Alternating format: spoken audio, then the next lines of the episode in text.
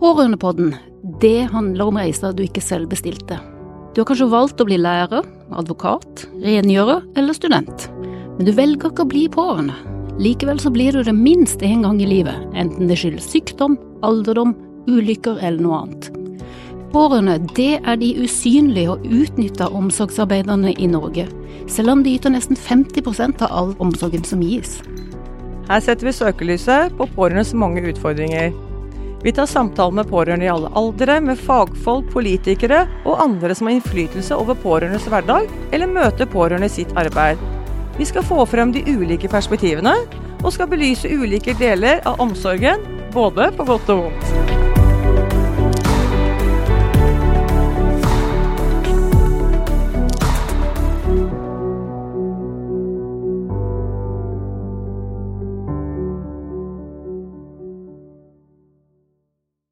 Velkommen til Pårørendepodden. I studiet i dag så er Anne Grete Terjesen og Anita Vatland, men vi har med oss to gjester til. Og det er um, avdelingssjef i Kreftforeningen, Jakob Fekt Konradi. Velkommen. Takk. Hyggelig å være her. Og det er generalsekretær i LHL Hjerneslag, Tommy Skar. Velkommen. Takk for det. Først av alt, eh, før vi begynner på dagens tema, som jo er eh, litt i anledning kvinnedagen 8. mars. Eh, Jakob, har du lyst til å fortelle litt om hvordan du endte opp med den jobben du har i dag, og dine erfaringer sånn kort på pårørendeområdet? Ja, det gjør jeg gjerne. Ehm, jeg har vært i Kreftforeningen siden 2004. Og før den tid så er jeg en ehm, kar som har vokst opp i Asker. Har en familie, tre barn. Vokst opp på en bensinstasjon eh, der ute i landlige omgivelser.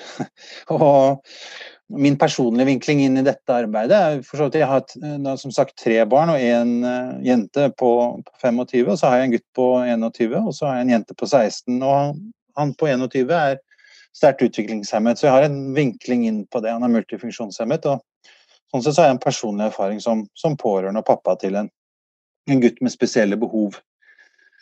Og så eh, har jeg da vært så heldig å kommet inn i Kreftforeningen, det gjorde jeg da for lenge siden. Eh, litt mer av tilfeldigheter. Fordi jeg søkte et meningsfullt arbeid og, og spennende utviklingsoppgaver. Og, og, det har jeg absolutt funnet der. Og hatt litt sånn bredt nedslagsfelt, litt ulike ansvarsområder. Jeg er jo, jeg er jo økonom med bakgrunn, så jeg har jo ikke en helsefaglig bakgrunn selv. Men har jo lært meg å kjenne og bli glad i dette området. Ehm, så ehm, for to år siden så gikk jeg inn og overtok avdelingsansvaret for det som vi kaller distriktsavdelingen hos oss. Og som har ansvaret for eh, kreftomsorgsområdet i sin helhet. Det Herunder også pårørendesatsingen vår. Eh, og hele frivillighetsapparatet med, med distriktsavdelingene våre fra Tromsø i nord til Kristiansand i sør.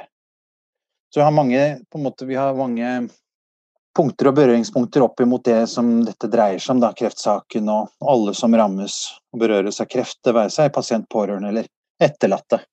Mm. Tommy, hvordan eh, endte du opp med din eh, jobb i dag i LHL Hjerneslag?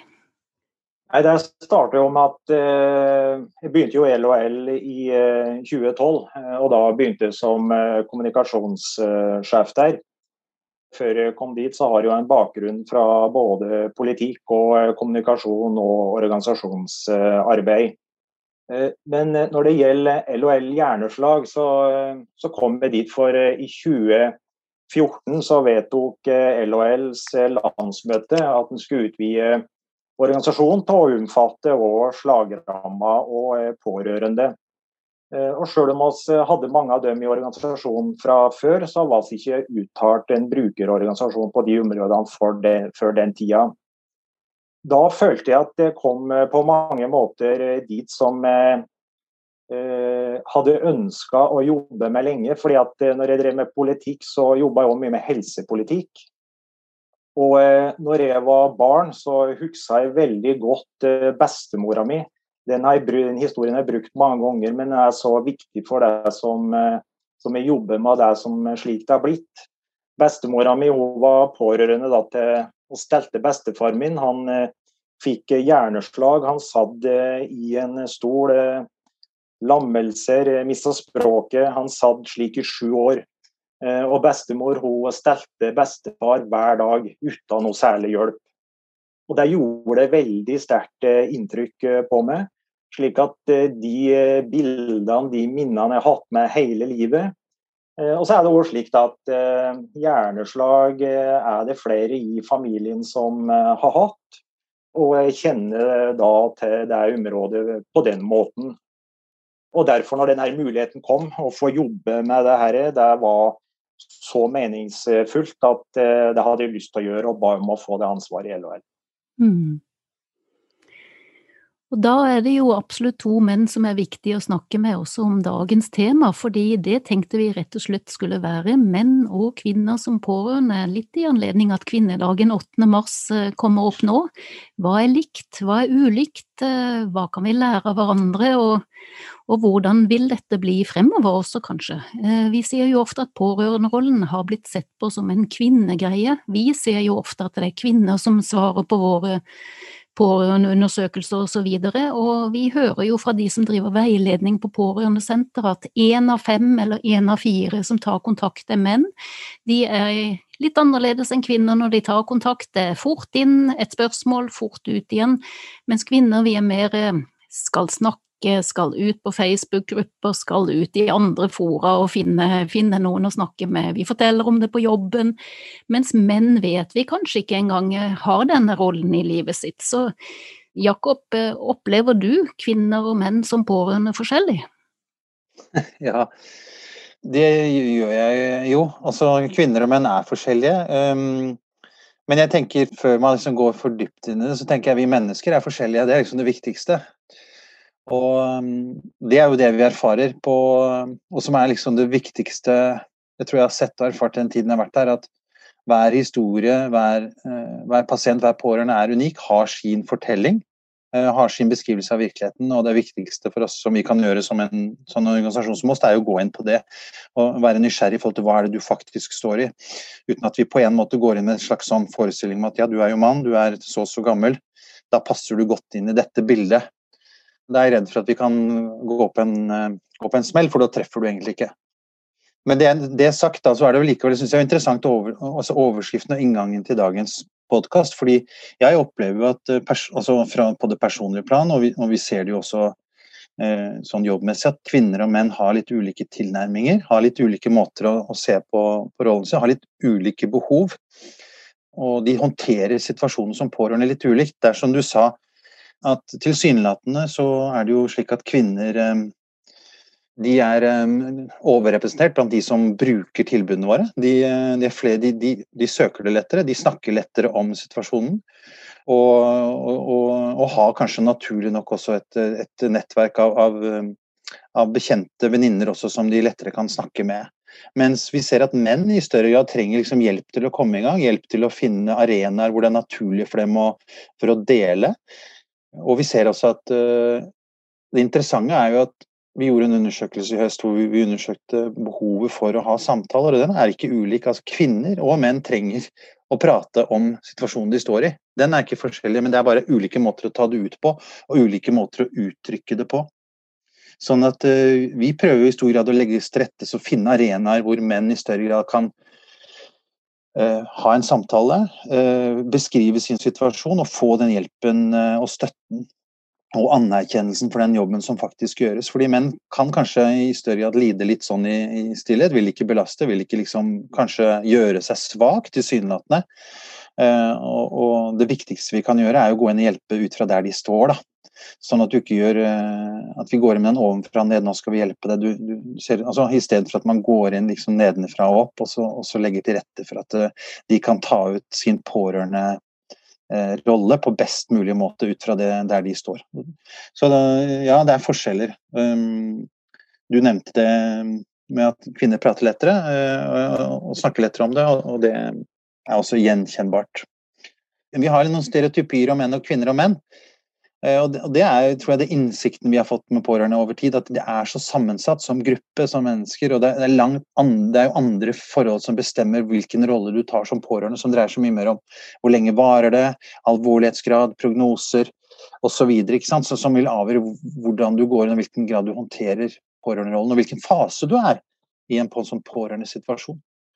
Men det er jo sterkt den historien til Tommy og da, med bestefar og bestemor sant, også, som, som, ser det. Det har jo veldig tilnærming på privatplan. Jeg vil se hvordan min eh, svigerfar håndterte det å få et, barn, altså et, et, barnebarn som var utviklingshemmet. Det tok han veldig annerledes enn min svigermor.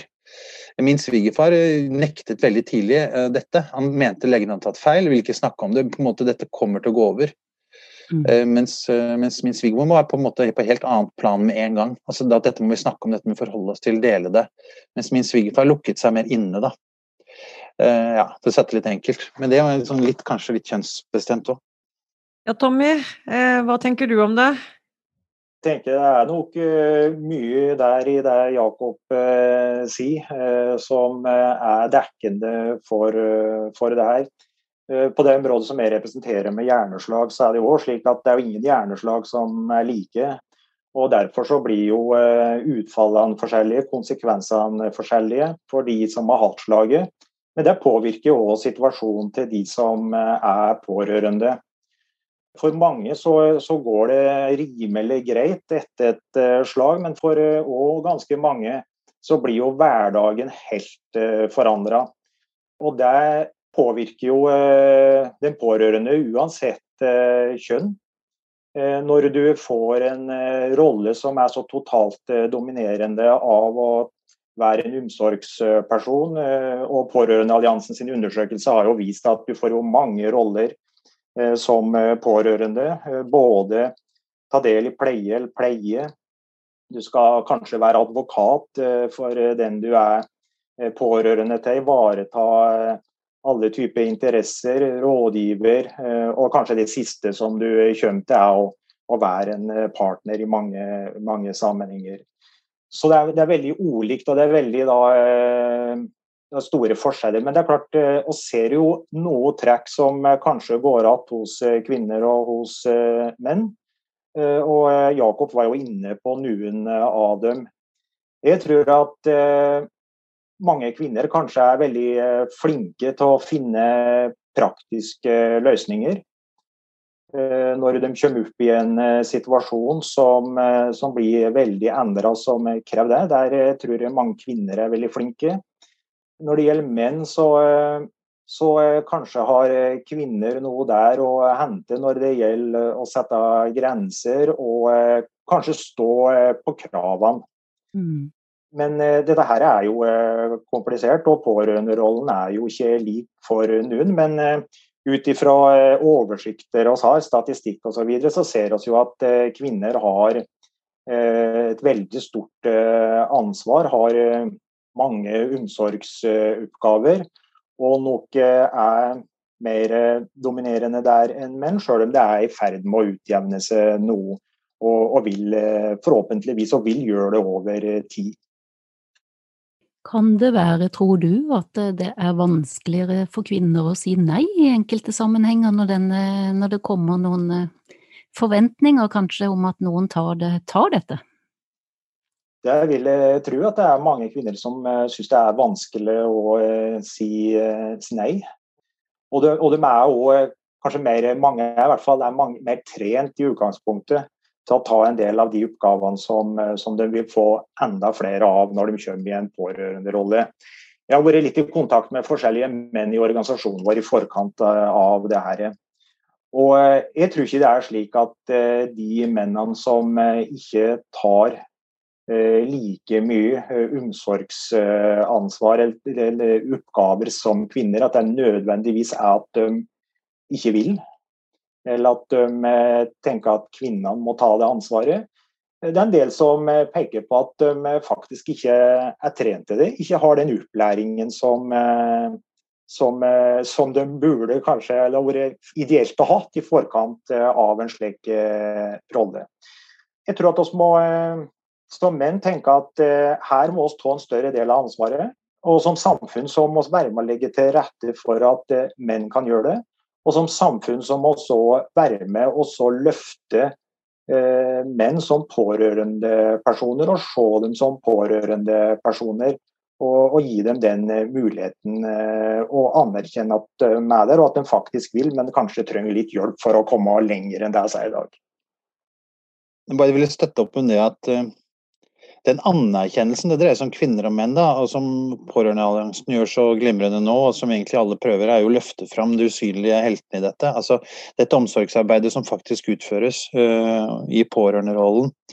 Den på en måte uvurderlige uh, hjelpen og nødvendigheten det er, da, som vi kanskje liksom tar litt sånn uh, ikke tar helt høyde for, og ikke egentlig kanskje helt som samfunn anerkjenner. Og at vi kanskje som samfunn også forventer at kvinner i større grad skal gå inn i en sånn pårørenderolle. Altså liksom, eh, når en familie rammes, så er det, liksom, eh, er det hun som skal gå inn og ta seg av mor eller far. Og, og, og, kanskje at vi ikke har de samme forventningene til at menn skal gjøre det. Og det er vel også tall som tyder på det at eh, kvinner som søker støtte med sønner, altså får vel også mindre støtte enn kvinner som, med, med døtre. Altså Hvis du har datter i huset, så så, så lever vi litt i den forestillingen at da må datteren på banen. Hvis du har en sønn, så er du på en måte hjelpeløs. og det er jo helt pussig. Og kanskje er dette mønsteret i verden liksom å, å, å, bli mindre, men, men, at det kanskje har vært litt sånn. og den stoltheten man skal ha for å utføre en pårørenderolle, hvor viktig det, den er, og at også menn skal ha en anerkjennelse og en, en oppmuntring om, om, å gjøre det. Og dette er jo en rolle som du skal stå i over tid. ikke sant? Så, så det viktigste vi kan gjøre, er å legge til rette for at vi er der i den fasen hvor, hvor, man, eh, hvor man, trenger det mest.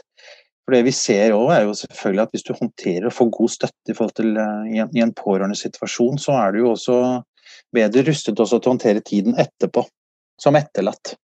Du, du, du, fikk den støtten og hjelpen. Og det er bare et sånt tankekors òg, fordi jeg så nok ikke altså Jeg ser det i forhold til øh, kreftpasienter generelt, men altså det å være i en pårørendesituasjon, i hvilken grad ser du hvem, altså hvem er den pårørende her? Jeg ble så overrasket selv uh, da da vi fikk vår gutt. Da. Fordi han var eh, Vi liksom gikk inn og forestilte Vi nærmeste var mor og far, og så ble vi tilrettelagt. Og da var vi på Frambu senter for sjeldne diagnoser, som er et veldig eh, bra sted. Og så hadde vi med oss min mor og min svigermor, og som jeg egentlig tenkte de var vel med for vår skyld. Men så plutselig så ser du under foredragene de sitter på en måte og gråter og har blitt truffet veldig av at sant, de har blitt anerkjent selv som pårørende. Altså de har en egen sorg i dette selv. Som jeg egentlig aldri tenkte på. Eh, de var det var min mor eller svigermor som var der. Men, men, de var altså eh, Den lettelsen og den ved at de ble sett. Eh, og noen sto der oppe og fortalte dem at dere er viktige òg. Dere, dere har lov å ha en sorg i dette, dere òg.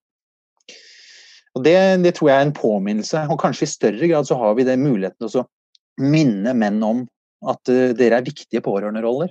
Og har viktige pårørenderoller å ta den. Ja, og det er litt det som eh, vi har, jo, vi har jo nå den tredje store undersøkelsen som vi gjennomfører, og vi har brukt ganske mye tid til å krefte på å prøve å få menn til å svare. Egen kampanje for menn. Vi har eh, Og det er sånn Hvis vi er veldig flinke, så får vi kanskje 15% av mennene som svarer, og ellers er det stort sett kvinner. Og det ser vi også på alle Facebook-gruppene. Altså det er det er holdt opp til løvemammaer, men det er ikke så mange løvepappaer. Og, og, de er liksom ute. Så har jeg liksom tenkt, og det var litt det jeg tenkte vi skulle spørre dere om òg. Hvordan er det vi kan få flere menn på banen? For de gjør jo noe, men vi, vi kan tydeligvis ikke treffe de på de riktige arenaene. Slik at de får den anerkjennelsen, og at vi får kunnskap om hva de gjør, og hva de trenger for og kan kanskje ta mer ansvar. Det hadde vært litt interessant å høre fra dere som er menn jeg tenker iallfall at det er utrolig viktig å få, eh, som jeg sier, å få en eh, dialog med menn på det her. Fordi at eh, de er der. De er der som pårørende. De har pårørende oppgaver, sjøl om oss har en overvekt av kvinner. Så så jeg litt på i vår organisasjon. Hvem er det som tar kontakt med oss av menn og kvinner? Da så jeg på eh, at eh, f.eks. pasientombudet vårt er nok en overvekt av eh, kvinner som tar kontakt. Når det gjelder organisasjonen for øvrig, så er det nok flere, flere menn, men det er vel muligens en overvekt av kvinner. Og På vårt område så er kanskje ikke det veldig rart, for flertallet av de som får et hjerneslag, det er jo menn. Eh, det er jo et flertall av menn som får hjerneslag eh, fram til du kommer opp til 85 år. Når du går over 85 år, så, det, så, så, så snur det. Da det er flere kvinner. Men det har jo en forklaring at kvinner lever lenger enn menn. Så det er forklaringa på det. Men jeg var i kontakt med nå rett før, eh, før samtalen, så sjekka jeg med Stråkforbundet i Sverige. Hvordan er det hos dem? Hvem er det som tar kontakt med dem? Og Der fikk jeg svar at hos dem så er det flere menn som tar kontakt enn det er kvinner som tar kontakt. Det syns jeg var litt interessant. Men uten at jeg vet sikkert, så har jeg sett på hvordan situasjonen er i Sverige. Og i Sverige er det slik at uh, over 80% av de som uh, får et hjerneslag og blir lagt inn på sykehus, de blir utskrevet til hjemmet. I Norge er det altså direkte til, sin, til heimen. I Norge er det langt uh, lavere. Det er flere som kommer fra altså det er en større andel da enn i Sverige som uh, kommer fra sykehus uh, til en rehabiliteringsinstitusjon eller lignende. Og da, Uten at jeg da har gått nærmere inn i det, så tenker jeg at en forklaring på det kan være at menn da ikke har den samme erfaringen som, som kvinner har til å påta seg å ha en del omsorgsoppgaver som gjør at når de kommer i den situasjonen og plutselig får en eh, partner hjem, så har de behov for, eh, for råd. Det kan være en eh, forklaring på at det er slike forskjeller. Og hvordan vi da skal få flere menn til å ta kontakt for å få råd og kunne dele erfaringer og slik, det tror jeg at det handler mye om at vi eh, må legge til rette for det, men òg det som vi har vært innom, det er med holdninger. Det må være akseptert at òg menn kan be om eh, hjelp, og at ikke menn skal føle at det er et nederlag. Og Derfor så må vi både ha mulighetene til å gjøre det, tilbudene til å gjøre det, men òg være med oss og eh, spre holdninger om at det er riktig at de gjør det, at det er helt nødvendig at de gjør det for å kunne ivareta den de er pårørende til, men òg for å kunne mestre sin egen eh, situasjon. Så det er ikke noe quick fix her, men eh, jeg tror at det er flere ting som vi må gjøre, og det er helt avgjørende at vi gjør det. Og helt til slutt, jeg har også prata litt med menn i vår organisasjon, og det er nok en del som, eh, som, savner det her at menn kan prate med menn om de utfordringene de får når de kommer i en slik situasjon de har nok innerst inne, selv om de ikke tar opp i uh, samtale med hvem som helst, så har de òg behov for å prate om de her tingene og de utfordringene de får på linje med kvinner. Og så er de nødt til å gjøre enda mer på det området. Mm -hmm.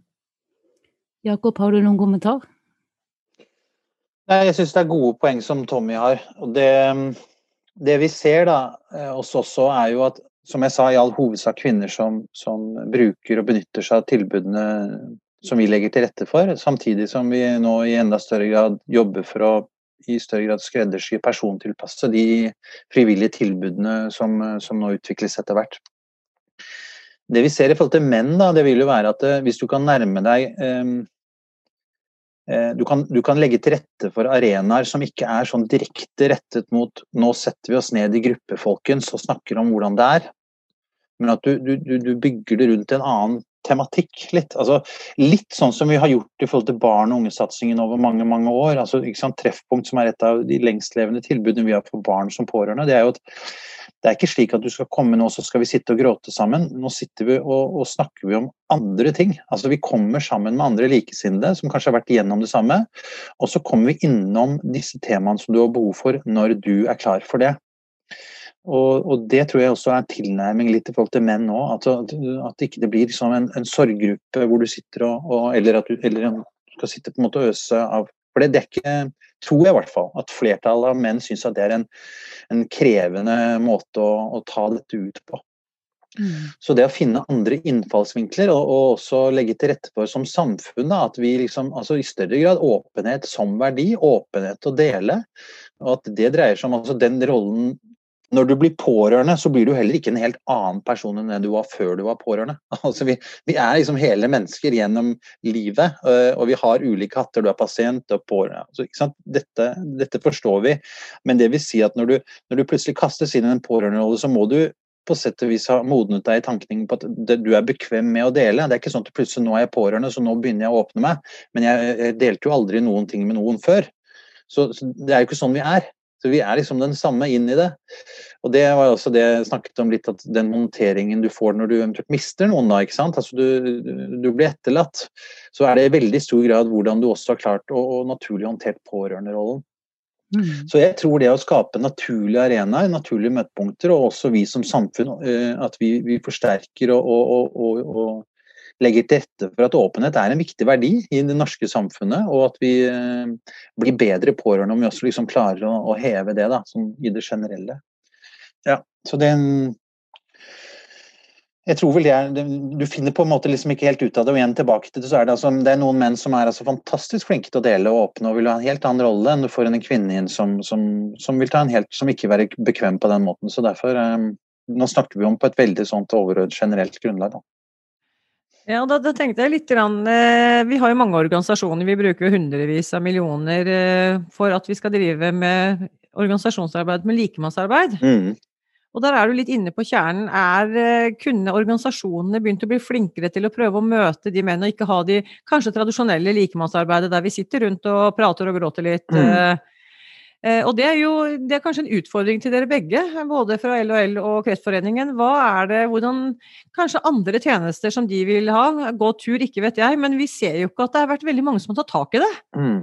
Så det syns jeg var spennende. Det der med at vi eh, kanskje også kan utvikle det som er brukerorganisasjonenes kjernevirksomhet. Det er eh, mye av likemannsarbeid, møte de som har erfaringer, og kanskje tenke litt nytt når det gjelder de mennene som er pårørende. Ja.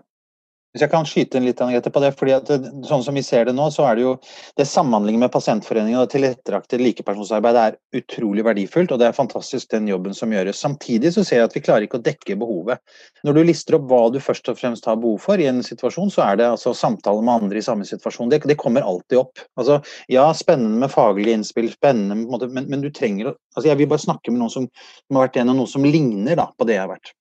Mm. Så det å forsterke det er jo noe av det viktigste vi, vi jobber framover i Kreftforeningen. Det er jo i samhandling med eh, Pasientforeningen nå å legge til rette for at flere får tilbud om eh, en godt eh, kvalifisert likepersonstilbud og en samtale. Og Det kan være seg på ulike arenaer. Vi har jo Vardesentrene som har vært liksom vår primærarena i samhandling med Pasientforeningene, hvor uavhengig av hvilken kreftdiagnose du har, så får du snakke med en som vært i samme situasjon. Og vi ser at vi kanskje ønsker, altså vi ønsker å forsterke utviklingen av likepersonssamtaler mellom pårørende. At der kan det være altså, det utviklet et eget, en, en egen likepersonstjeneste på det området også.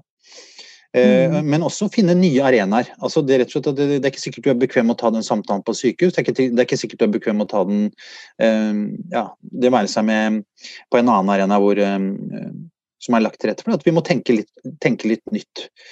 Sånn at det, jeg, jeg tror veldig på det sporet. Tommy, du var jo syklist før jeg vet at du har sykla. Er det noe å sette opp et sykkellag av menn som pårørende som sykler Birken, eller må man ut i skogen og hogge trær, eller er, tenker du noen sånne ting? Jeg tror at det er mye, mye riktig det som blir, blir sagt her. Altså, oss vet, eh, eh, hva som er behovene, vi får tilbakemeldinger om hva som er behov, hva som er utfordringer. Eh, og så må man ha eh, da forskjellige måter eh, å legge til rette for at de det gjelder, kan få, få tatt opp det her, samtale rundt det osv. Og, og da for noen så er, så er den ene måten riktig, for andre er noe helt annet riktig. Og da, og da er det òg en bredde i tilbudene som, som, er avgjørende her. og det at en alltid prøve å tenke nytt, hvordan kan gjøre ting på nye måter osv. Det tror jeg er veldig, veldig viktig og, og avgjørende. Og uh, For vår del så forsøker oss uh, å gjøre det. Vi er jo en, eh, en organisasjon som, som, har ulike tilbud og forsøker stadig å etablere nye tilbud. Det som har vært viktig for oss, det er å kommunisere veldig tydelig at vi er en organisasjon både for den som har diagnosen og for de pårørende. Eh, og så har vi mange tilbud, mange aktiviteter som er felles, og så har vi noe som, hvor oss eh, skiller. Men eh, når du nevnte det her med, med, sykkel, når du nevnte den type aktiviteter, så nå skal så styremøte i LHL Hjerneslag Oslo nå i ettermiddag. I ettermiddag. Og der, der har vi et lag som som har etablert mange forskjellige utradisjonelle aktiviteter. Og det kan godt hende at en del menn da syns at det er aktiviteter som er spennende å delta på. Og når du deltar på den type aktiviteter, så treffer du andre som er i samme situasjon, og så får du den erfaringsutvekslingen som, som Jakob var litt inne på her, på en annen måte enn at du sitter og, eh, rundt et bord og, eh, og tar de vanskelige eh, historiene hver enkelt, men du kan få det indirekte, og du kan få råd og erfaringsutveksling på litt andre måter. Så vi må, må, hele tida se på hvordan vi kan nå de her gruppene på en, på en god måte og med, på forskjellige måter, fordi at det er så store forskjeller mellom hver enkelt. Mm. Vi kommer vel heller ikke utenom at det noen ganger må politiske grep til. Eh, altså Det er jo ikke uten grunn i dag at vi kan gå omkring i byen når vi kan det, da, og se alle menn som triller barnevogner. Eh, som har en organisert eh, permisjonsordning for sin eh, omsorg, og som har omsorgsdager for syke barn, som gjør at man kan si da som par at nå er det din tur, nå er det min tur til å være hjemme, det er lettere å dele. Det, hva tenker dere om å få mer likestilling frem også gjennom politiske virkemidler? Eh, hvis jeg skal starte der, Anita, så, så vil jeg si at på, på, den dagen her, 8. mars, det er en utrolig viktig dag. Det er en viktig dag for, for kvinner. Gratulerer alle kvinner med dagen, men det er også en viktig dag for menn. Fordi at hvis du, ikke, hvis du, altså hvis du skal ha likestilling, så må jo det gjelde for både kvinner og menn. Og du får jo ikke et likestilt samfunn hvis det ikke for, for menn heller, før kvinnene eh, har de samme mulighetene. 8. mars har jo vært en utrolig viktig kampdag eh, i opp gjennom historien. Det handler om rettigheter, det handler om eh, likestilling. Og jeg vil si at det som er situasjonen, er at oss, og sier ofte at pårørende er en veldig viktig ressurs. Pårørende er en veldig viktig ressurs. Men oss har en kjempeutfordring fordi at eh, slik det er i dag, hvor de pårørende tar så stor del av eh, omsorgsansvaret, og ser at det er helseutfordringer knytta til det å være pårørende, og ser at det vil bli mange flere eldre framover som gjør at enda flere må være med å yte denne omsorgen, hvis vi ikke klarer å få til en bedre fordeling mellom kvinner og menn på det, så vil vi ikke lykkes. Eh, slik at eh, dette er en utrolig viktig, eh, viktig kamp, et utrolig viktig arbeid framover for å løse det her. Og oss kan appellere til, til menn om å ta enda større ansvar enn de gjør og komme opp på nivå med det der oss har kvinner. Men jeg tror ikke at vi vil lykkes med det raskt nok hvis vi ikke òg har politiske vedtak, og at vi får på plass ordninger som gjør at, eh, at eh, menn blir i stand til å, å, å se at det er mulig å ta på seg eh, mer ansvar enn de gjør i dag. Jeg er helt sikker på at det vil gå ganske automatisk, at det vil bli bedre og bedre, men det vil ikke gå raskt nok. Og så er en nødt til å få fortgang i det. Og da må vi se på ordninger, f.eks. på permisjonsordninger. Eh, hvordan kan vi legge til rette for at vi skal få dette her til å gå raskere? fordi Det er helt nødvendig at vi får gjort noe med det, fordi utfordringene er så store. Ja, det er mange gode poenger her. og det, det er jo noen sånne strukturendringer som, som, som, trengs å på, komme på plass. Det er ordninger som må på plass, og det er også en kulturendring som må på plass. Det er flere faktorer. Men at det må politisk vilje og handlekraft til, det er nok uh, ganske, ganske, sikkert. Det er jo sånn at uh, sånn som ordningen er lagt til rette for i dag, så blir man på en måte ikke vi snakket om dette med å løfte anerkjennelsen av det arbeidet som gjøres av de pårørende. Det er jo ikke ordninger i dag som legges til rette for det. Man, man måte, man bruker andre man permisjonsdager, man bruker sykemeldinger. Vi har jo løftet dette begrepet med pårørendepenger lenge. Så mener vi at vi er, det er hensiktsmessig å, å, å, anerkjenne det og si at her må det en lovendring eh, til. Det, det, er altså feil diagnoser som er ute og går, for å på en måte kompensere for manglende ordninger. og Som, som skaper altså skjevheter i samfunnet og også ettervirkninger etter at man ikke lenger er pårørende, som, som får følgekonsekvenser. Så her er det noe med at det er en litt sånn manglende innsikt da, i denne sammensatte gruppen av pårørende som, som, gjør at man tenker at ja, men er ikke ordningene gode nok i dag? Det vi har jo, eh, du, du, har de ordningene som, som, er, kan man ikke bare videreføre og forsterke de? Eh, men vi tror at det er riktig også egentlig kalle en spade for en spade og si at det, det dreier seg om en eh, penger som må, må, må, komme inn eh, for pårørende i en, i en, avgjørende fase, og at det er det det faktisk er. Og så øh, ser vi vel at øh, dette påvirkningsarbeidet, det må, det, det må, vi bare egentlig være med på å, å forsterke. Vil si at det, ved at man egentlig har allianser som Pårørendealliansen, så, så, kan vi ikke stå hver og en organisasjon alene i dette. Det, det, må være slik at det fellesskapet som vi ser, uavhengig av hvilken diagnose, øh, forslag eller om det dreier seg kreft, så er altså øh, pårørendes situasjon ganske, ganske lik. Og vi har vel kanskje blitt ekstra oppmerksom på denne sårbare situasjonen, og det er kanskje også, kan vi tro at også myndighetene har blitt oppmerksom på i denne situasjonen vi har stått i dette året, hvor altså koronasituasjonen eh, har gjort sår, altså sårbarheten for de pårørende ekstra synlig.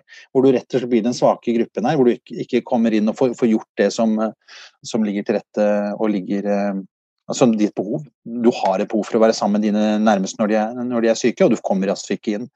Du får ikke vært til stede.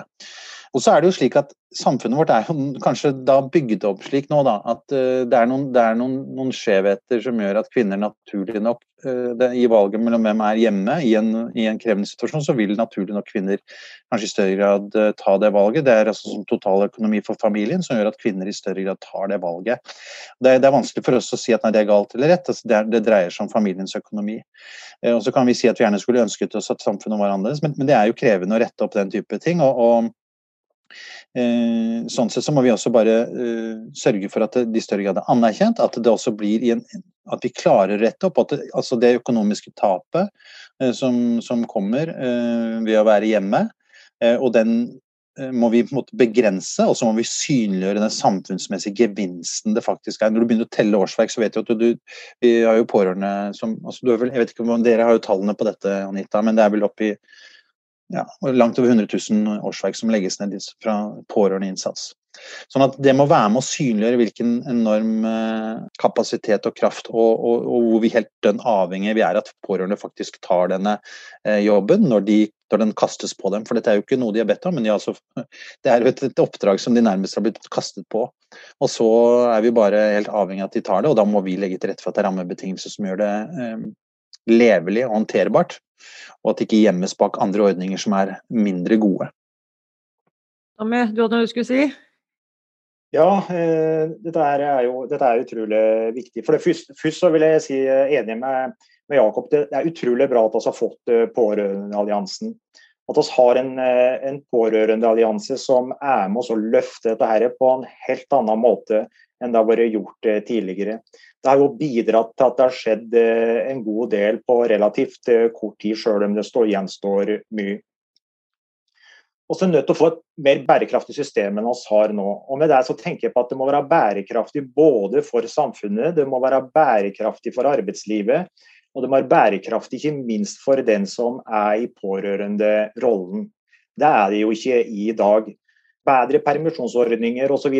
det vil koste. Men det koster òg at vi får pårørende som havner eh, i en situasjon hvor de må bruke eh, sykemelding for å ta seg av sine pårørende. Det er jo tilfellet i dag. Og kvinner er i flertall og blant de. Vi vil ha en utvikling framover som gjør, eh, som jeg var inne på i stad, at vi får flere eldre. Vi vil ikke klare å løse den utfordringen bare ved hjelp av de offentlige tilbudene. Og det er jo ingen som kan pålegge en pårørende oppgaver hvis ikke pårørende eh, sjøl tar de.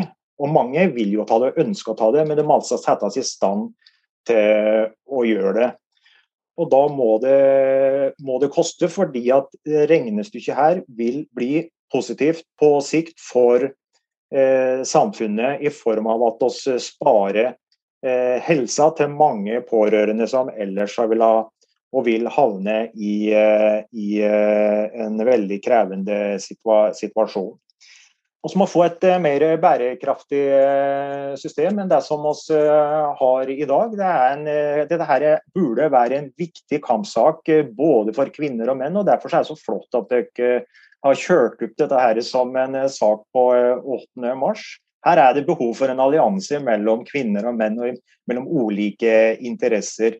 Mm. Her er det felles interesser både for samfunnet, arbeidsgivere, arbeidstakere og for de som står midt oppi det. Da, da, da, er jeg litt eh, spent, Tomme. Du har jo mye erfaring både politisk og også for um, fagforeninger, altså den delen. Og det, fagforeningen har jo gjennom krigs, si, gjennom mange, mange år kjempet for likestilling, rettferdighet.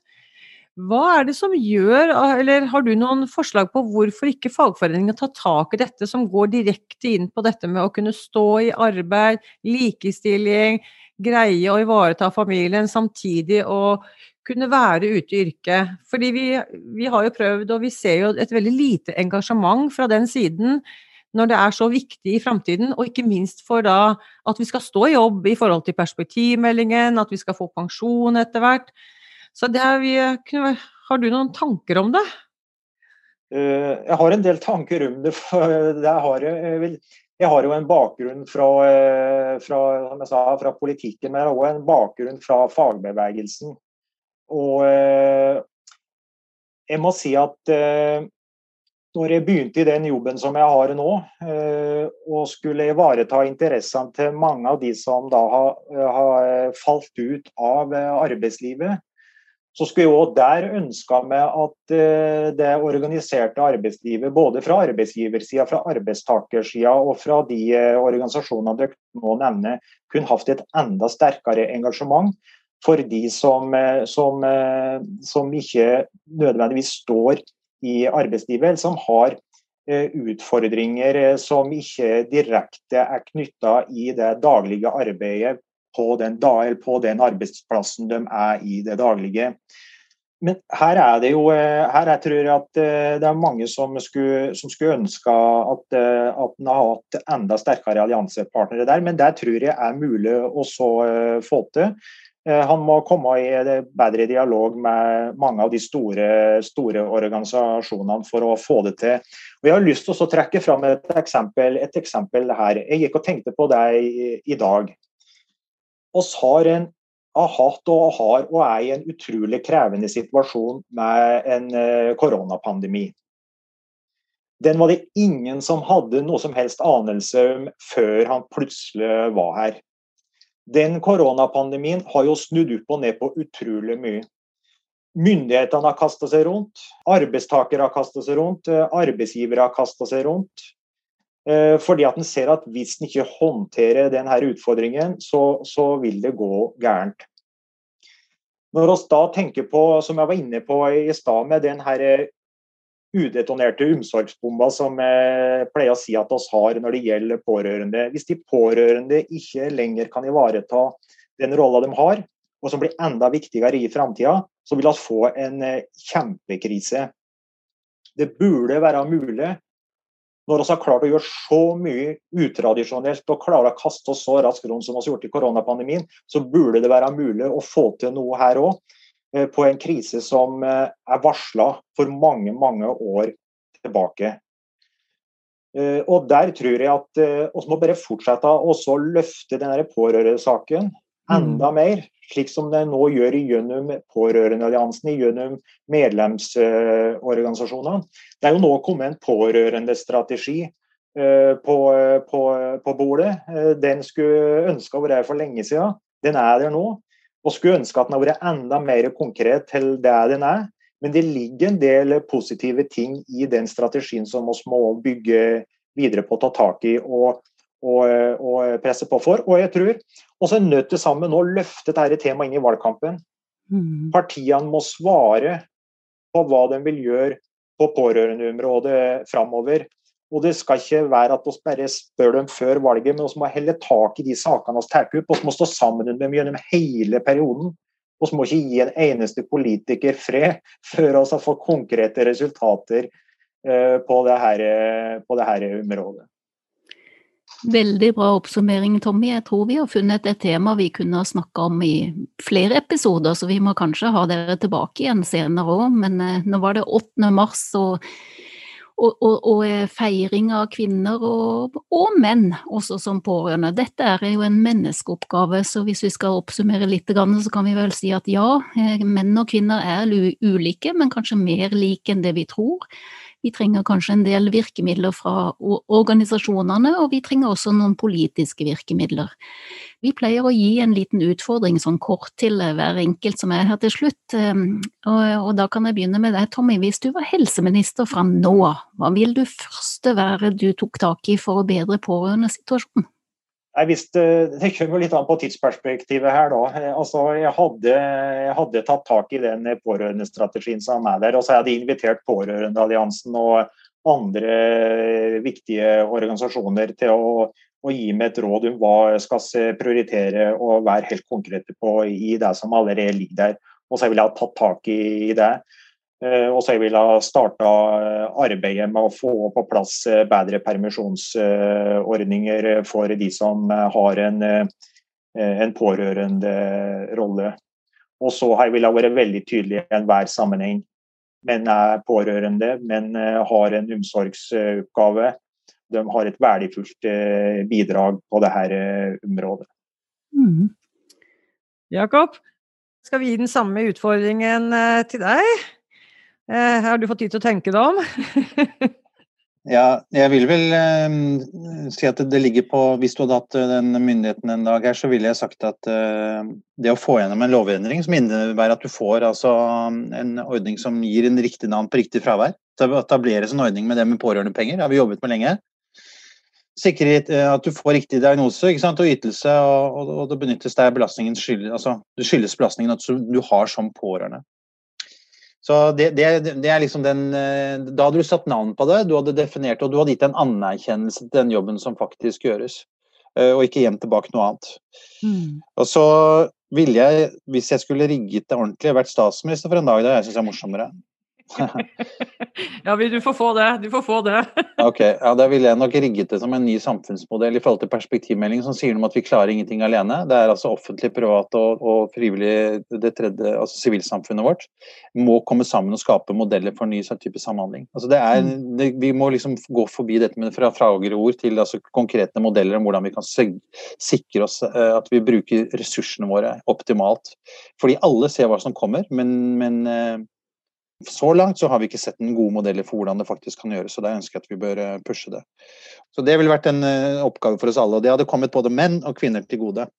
Og så har jo ikke jeg da avsluttet med, at Tommy gratulerte kvinner med dagen, så må jeg selvfølgelig gjøre det selv, jeg òg. Gratulerer med dagen, mm. kvinnedagen til kvinner og menn.